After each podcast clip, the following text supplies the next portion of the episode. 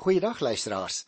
As julle miskien van die mense is wat vandag vir die eerste keer by ons program inskakel, dan wil ek vir sulke persone sê baie baie hartlik welkom.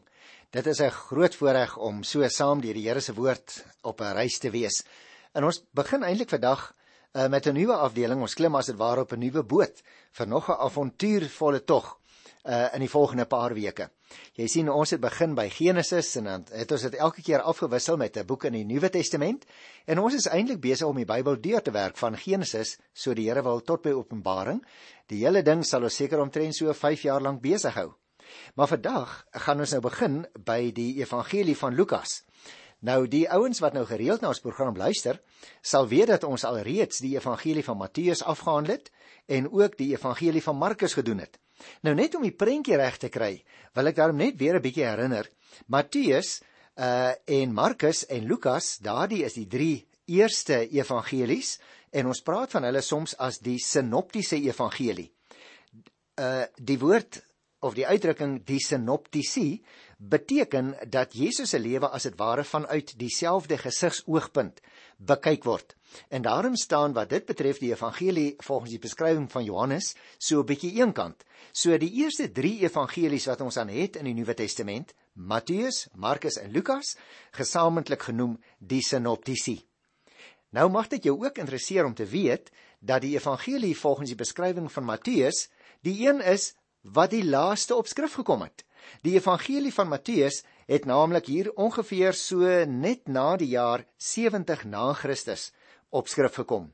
Uh en die temas wat daarin behandel word is veral dinge soos Jesus, God met ons of Jesus die koning van die Jode. En as ek daardie temas vir jou sê, dan sal jy dadelik besef Matteus het veral geskrywe met die oog op Joodse lesers. Die tweede evangelie wat ons behandel het, naamlik die evangelie van Markus, baie interessant. Hy is die eerste van al vier die evangelies wat op skrif gekom het. Reeds al is so teen min of meer die jaar 64 na Christus. En hy is hoofsaaklik gemik op die Romeinse lesers. Met ander woorde, elkeen van die evangeliste, net soos Matteus die Jode in die oog gehad het, net so het Markus veral Romeine in die oog wanneer hy skrywe. Interessant dan ook, die temas wat deur Markus beklemtoon word is die lydende seun van God of die dienskneg van God. Mens kan dit nogal verstaan hè want uh, hy skrywe aan die Romeine en hulle was die uh, mense wat veral in die owerheidsposisies gesit het in daardie tyd en daarom was 'n gedagte soos die lydende seun van God vir die Romeine waarskynlik iets wat hulle so 'n bietjie dwars in die krop gesteek het. Nou maar goed, ons het al oor daardie twee evangelies gepraat. Maar nou interessant as ons dan nou vandag begin by die evangelie volgens Lukas se beskrywing. Neem dit wat die kronologie betref eintlik 'n tussenposisie in want onthou nou Markus is eerste neergeskryf daarna is Matteus heel laaste neergeskryf maar hier tussenin die evangelie volgens Lukas se beskrywing het op skrif gekom so ongeveer 64 na Christus en hy skryf sy evangelie spesifiek rig hy dan ook aan 'n aan 'n individu naamlik Theophilus. Ek gaan net nou vir julle so ietsie oor hom vertel. Maar sy evangelie is dan veral ook gerig aan Griekse lesers en nie Joodse lesers. Nou ah, die uh, luisteraar, die oomblik as ek dit sê, sê hy besef, die Grieke was die ouens van die filosofie en van die denke. En as jy na hulle beelde al gekyk het, dan sê jy weet, die pragtige mense, fisies mooi mense. En nou kom uh Lukas die evangelis en hy skryf oor temas soos Jesus die bevryder uit lyding of Jesus die seun van die mens. En dit is baie interessant dat hy dit doen, want Lukas was heel waarskynlik 'n geneesheer. En daarom was die fisiese dinge uh, net soos vir baie van die Grieke baie belangrik. Dit het vir hulle gegaan oor die denke het ek al reeds versê, maar dit het ook vir hulle gegaan in 'n groot mate oor die oor die menslike liggaam, gesondheid, dat 'n mens mooi sal wees, né? So interessant. Elke een van die 3 van die sinoptiese evangelies het 'n bepaalde gehoor op die oog en hulle skryf dus uit 'n bepaalde gesigshoek en elke een van hulle uh, onderstreep sekere belangrike temas wat hulle meen vir hulle lesers uh, van groot belang is. Tussen hakies, jy moet ook onthou, uh Lukas het nie net die evangelie van Lukas neergepen nie, maar ook die boek Handelinge. En daar praat hy ook weer met Theophilus. Maar dit is 'n storie vir 'n later stadium. Kom ek vertel jou so 'n bietjie van die agtergrond uh van die evangelie volgens Lukas se beskrywing. En dan sou ek ter inleiding dit wou sê dat die skrywer altyd baie belangrik is. Jy kan gerus gaan kyk in ons eie Bybel. Die opskrif van ons Bybel is die evangelie volgens Lukas. En nou moet jy in gedagte hou, dit het natuurlik ook nie in die oorspronklike manuskrip gestaan nie. Daardie opskrif is eers so tussen die jare 160, miskien selfs tot 200 na Christus aangebring. Nou by die kerkvader Irenaeus. Nou miskien weet ons nie almal nie Irenaeus het in die jaar 202 na Christus gesterf. Maar by hierdie kerkvaders, byvoorbeeld Irenaeus en Clemus van Alexandrië, Origenes, Tertullianus ook, was daar egter geen twyfel nie. Volgens hulle was dit Lukas, die geneesheer en die metgesel van die apostel Paulus wat hierdie evangelie neergepen het. Tussen hakies, in 'n kort boekie in die Nuwe Testament, Philemon, hy het net 'n paar verse uit die hoofstukke nie, in Philemon vers 24 noem Paulus hom as medewerker en in Kolosse 4 vers 14 die dokter wat ek baie liefhet. Met ander woorde, uit Lukas se eie woordgebruik ook in die evangelie self, kan ons ook aflei dat hy waarskynlik 'n geneesheer was.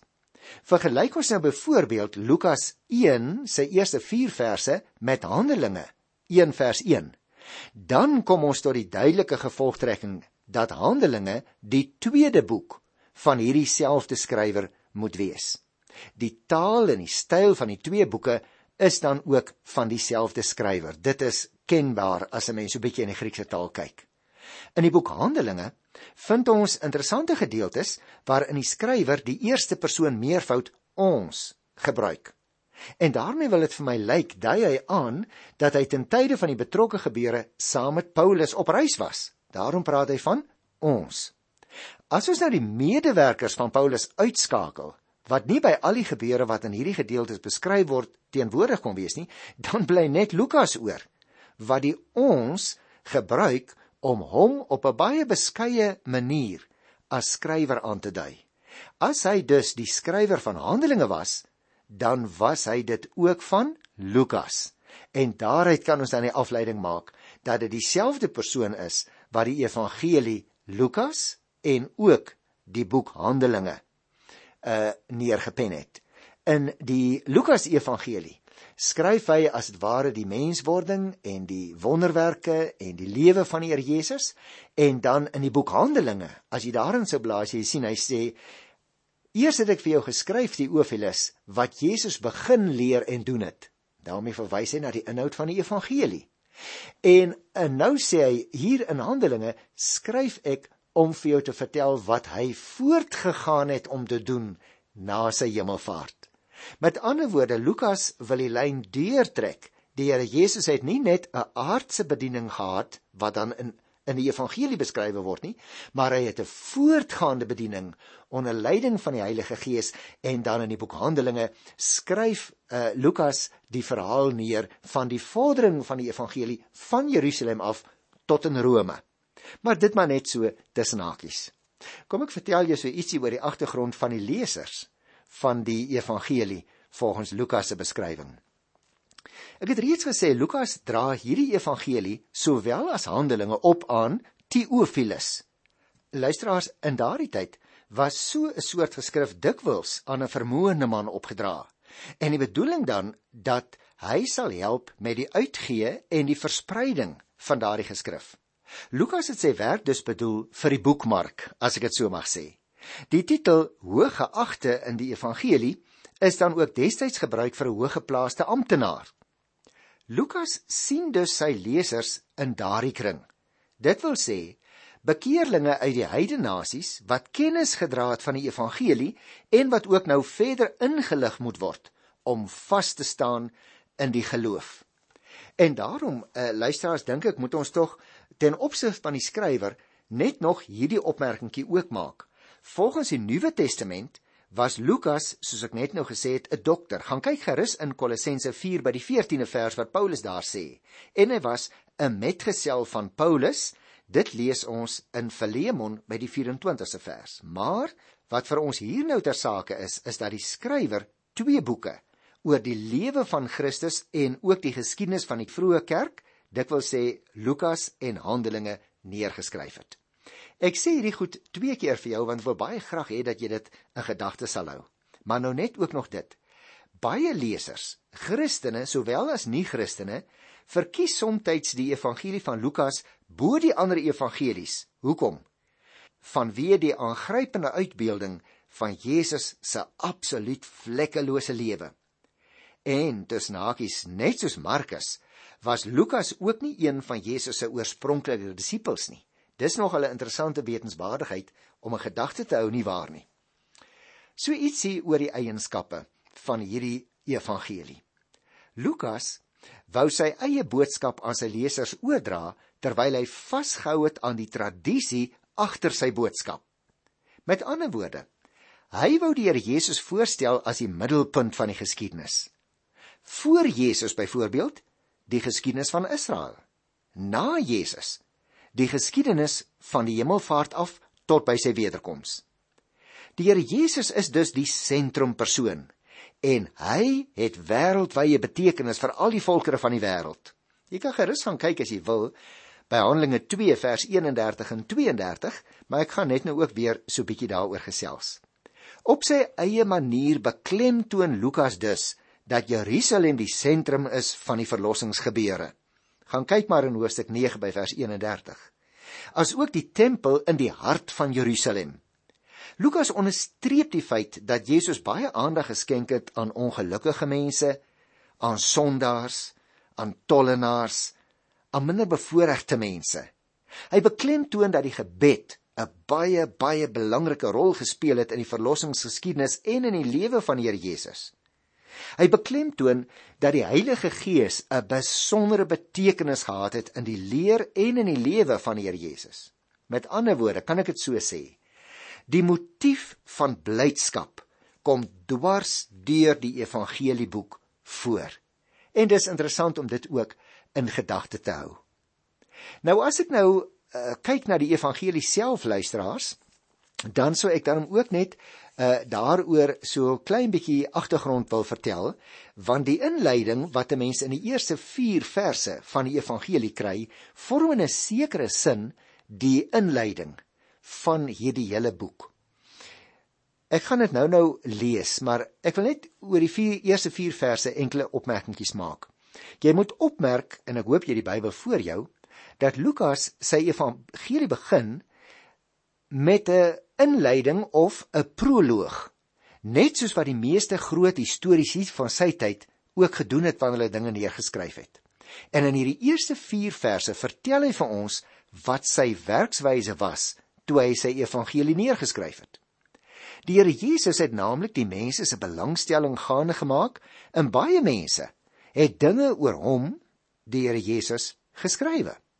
Baie geleerdes meen vandag dat Markus die eerste was om die evangelie neer te skryf en dat Lukas daarmee bekend was toe hy sy evangelie wat ons nou voor ons het begin skryf het. Lukas het 'n hele klomp bestaande historiese materiaal versamel. En dit het onder andere bestaan uit die verslae van ooggetuies aan wie hy baie waarde geheg het, maar ook uit dit wat hy reeds deur ander skrywers self gelees het. Met ander woorde, sekere dinge oor die Here Jesus was reeds op skrif toe Lukas sy evangelie begin neerpen het.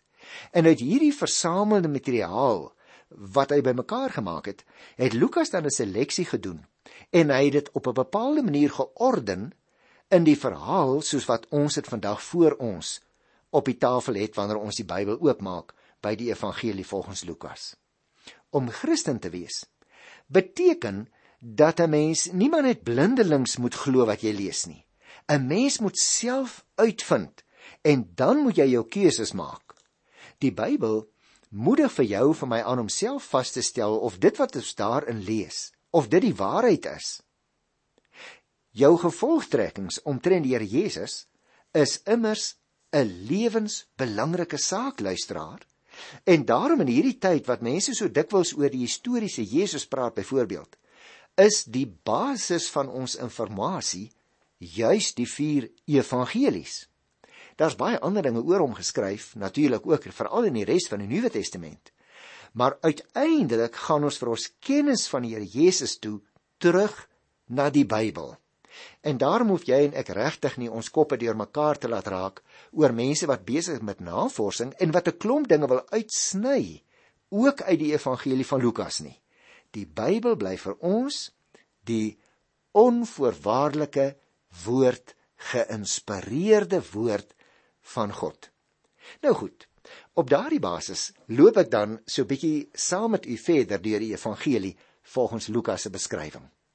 Die hele boek is ingedeel in verskillende gedeeltes, maar interessant, die eerste 2 hoofstukke sou 'n mens as dit ware onder een sambreel kon toemaak. Want hoofstuk 1 plus hoofstuk 2 gesamentlik handel oor die geboorteverhaal van Johannes die Doper en van Jesus van Nasaret. Daarom gaan ek verskillende aspekte afbyt so in klein stukkies en die eerste stukkie handel dus oor die aankondiging van Johannes se geboorte. Maar kom ons kyk eers na sy inleiding. In vers 1 staan daar geskrywe: Hooggeagte Theophilus. Dis amper asof asof vir my wil lyk luisteraar. Lukas lig sy hoed. Ek weet nou nie of hy hoed gedra het nie. Hy lig sy hoed so bietjie in waardering want hier het hy met 'n baie belangrike persoon wat wat sy wat sy evangelie gaan lees. Hy skrywe: Hooggeagte Theophilus. Daar is baie wat onderneem het om 'n verhaal te skrywe van die dinge wat onder ons gebeur het. Nou baie interessant. Hierdie naam Theophilus wat ons hier in die eerste versie kry, beteken in die Griekse taal die een wat God liefhet. En daaruit kan ons waarskynlik die afleiding maak dat Theophilus 'n Griekse agtergrond gehad het, van Griekse herkoms was. En daarom is dit opvallend dat dit lyk asof die hele evangelie aan hoofsaaklik Griekse lesers geskryf is, soos ek net nou by die inleiding vir jou vertel het. Nou hierdie naam kan miskien ook simbolies verstaan word, maar aangesien die naam algemeen voorgekom het in daardie tyd, is dit waarskynlik 'n werklike persoon met die naam Theophilus. Lukas tussen hakies is die enigste evangelis wat sy evangelie aan 'n spesifieke persoon, eh, naamlik Theophilus, rig. Hy moes as 'n uitgewer of as 'n verspreider van die evangelie dien daar in sy omgewing. Die boek Handelinge het ek net nou ook vir jou gesê is ook deur Lukas geskrywe en begin op dieselfde manier. Jy kan gerus gaan kyk by die aanvang van Handelinge. Nou hierdie boek, naamlik die Evangelie, is as 'n verhaal geskrywe wat die lewe van die Here Jesus Christus interpreterend beskryf. Met ander woorde, Christus is byvoorbeeld die Grieks vir die Hebreëse woord Messias en dit beteken gesalfde. Vir Lukas is Jesus die een wat deur God gesalf is en so met gesag bekleë is om 'n baie spesifieke amp te vervul. En daarom as hy van Theophilus nou praat in sy aanvang, dan bedoel hy die hooggeagte, die belangrike ou wat heel waarskynlik 'n hooggeplaaste staatsamptenaar was in daardie tyd.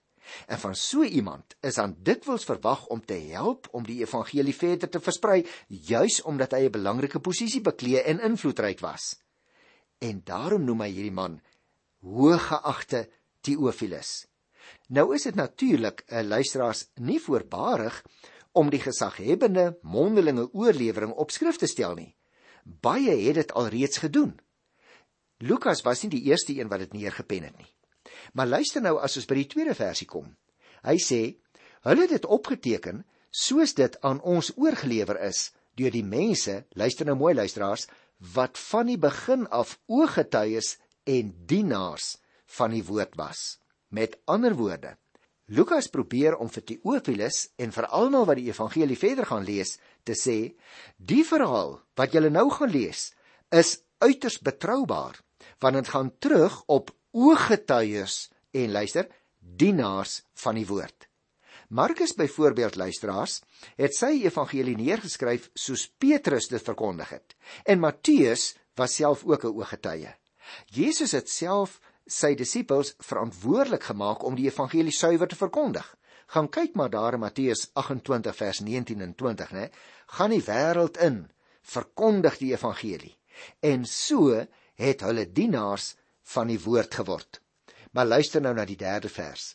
Daarom het ek dit ook goed gedink om self alles stap vir stap van voor af te ondersoek en die verhaal noukeurig in die regte volgorde vir u neer te skryf. Lukas begin dus sy verhaal soos hy sê van voor af, van Johannes die Doper af. En hy skryf dit, so sê hy, stap vir stap tot by die einde, die hemelvaart vir Theophilus neer. Hy het self eers alles ondersoek, sê Lukas, en hy het waarskynlik sy inligting gekry van mense soos Paulus, met wie hy lank saamgewerk het, selfs ook van Petrus in Jerusalem en in Rome. Hy het ook inligting seker maar gekry van Jakobus, die broer van Jesus wat in Jerusalem gewoon het.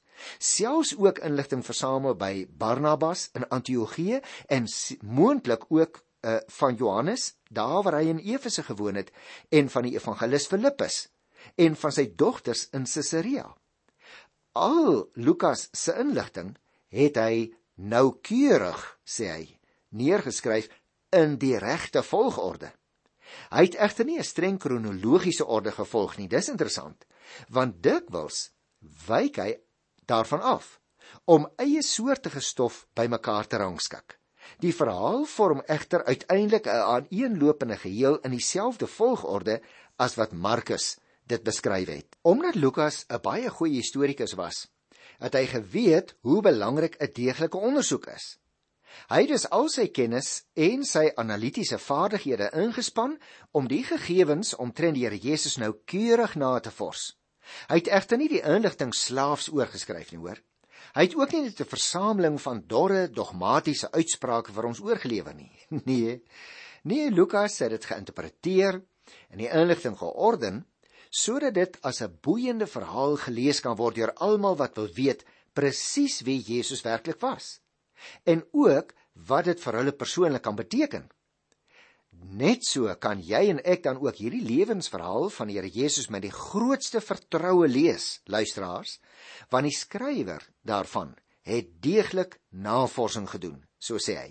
Die evangelie van Jesus is op die waarheid gegrond en daarom moet ons eie geestelike groei ook 'n deeglike en 'n gedissiplineerde studie van God se woord insluit. As dit nog nie deel van jou eie lewe is nie, soek dan 'n leraar of 'n mede-Christen of 'n boek wat jou kan help om ook op hierdie uiters belangrike gebied as Christen te groei. Lukas se weergawe van Jesus se geboorte is die volledigste weergawe wat ons het van al die evangelies. Hy beklemtoon Jesus se menslikheid deur vir ons te vertel van sy geboorte, van sy kinderjare en van sy menslike ontwikkeling Ons verlosser luisteraars was die volmaakte voorbeeld van wat God van sy kinders op aarde verlang. En daarom kan ons gerus net afsluit met die 4de vers. Daar staan geskrywe: So kan u te wete kom dat die dinge waaroor u onderrig is, heeltemal betroubaar is.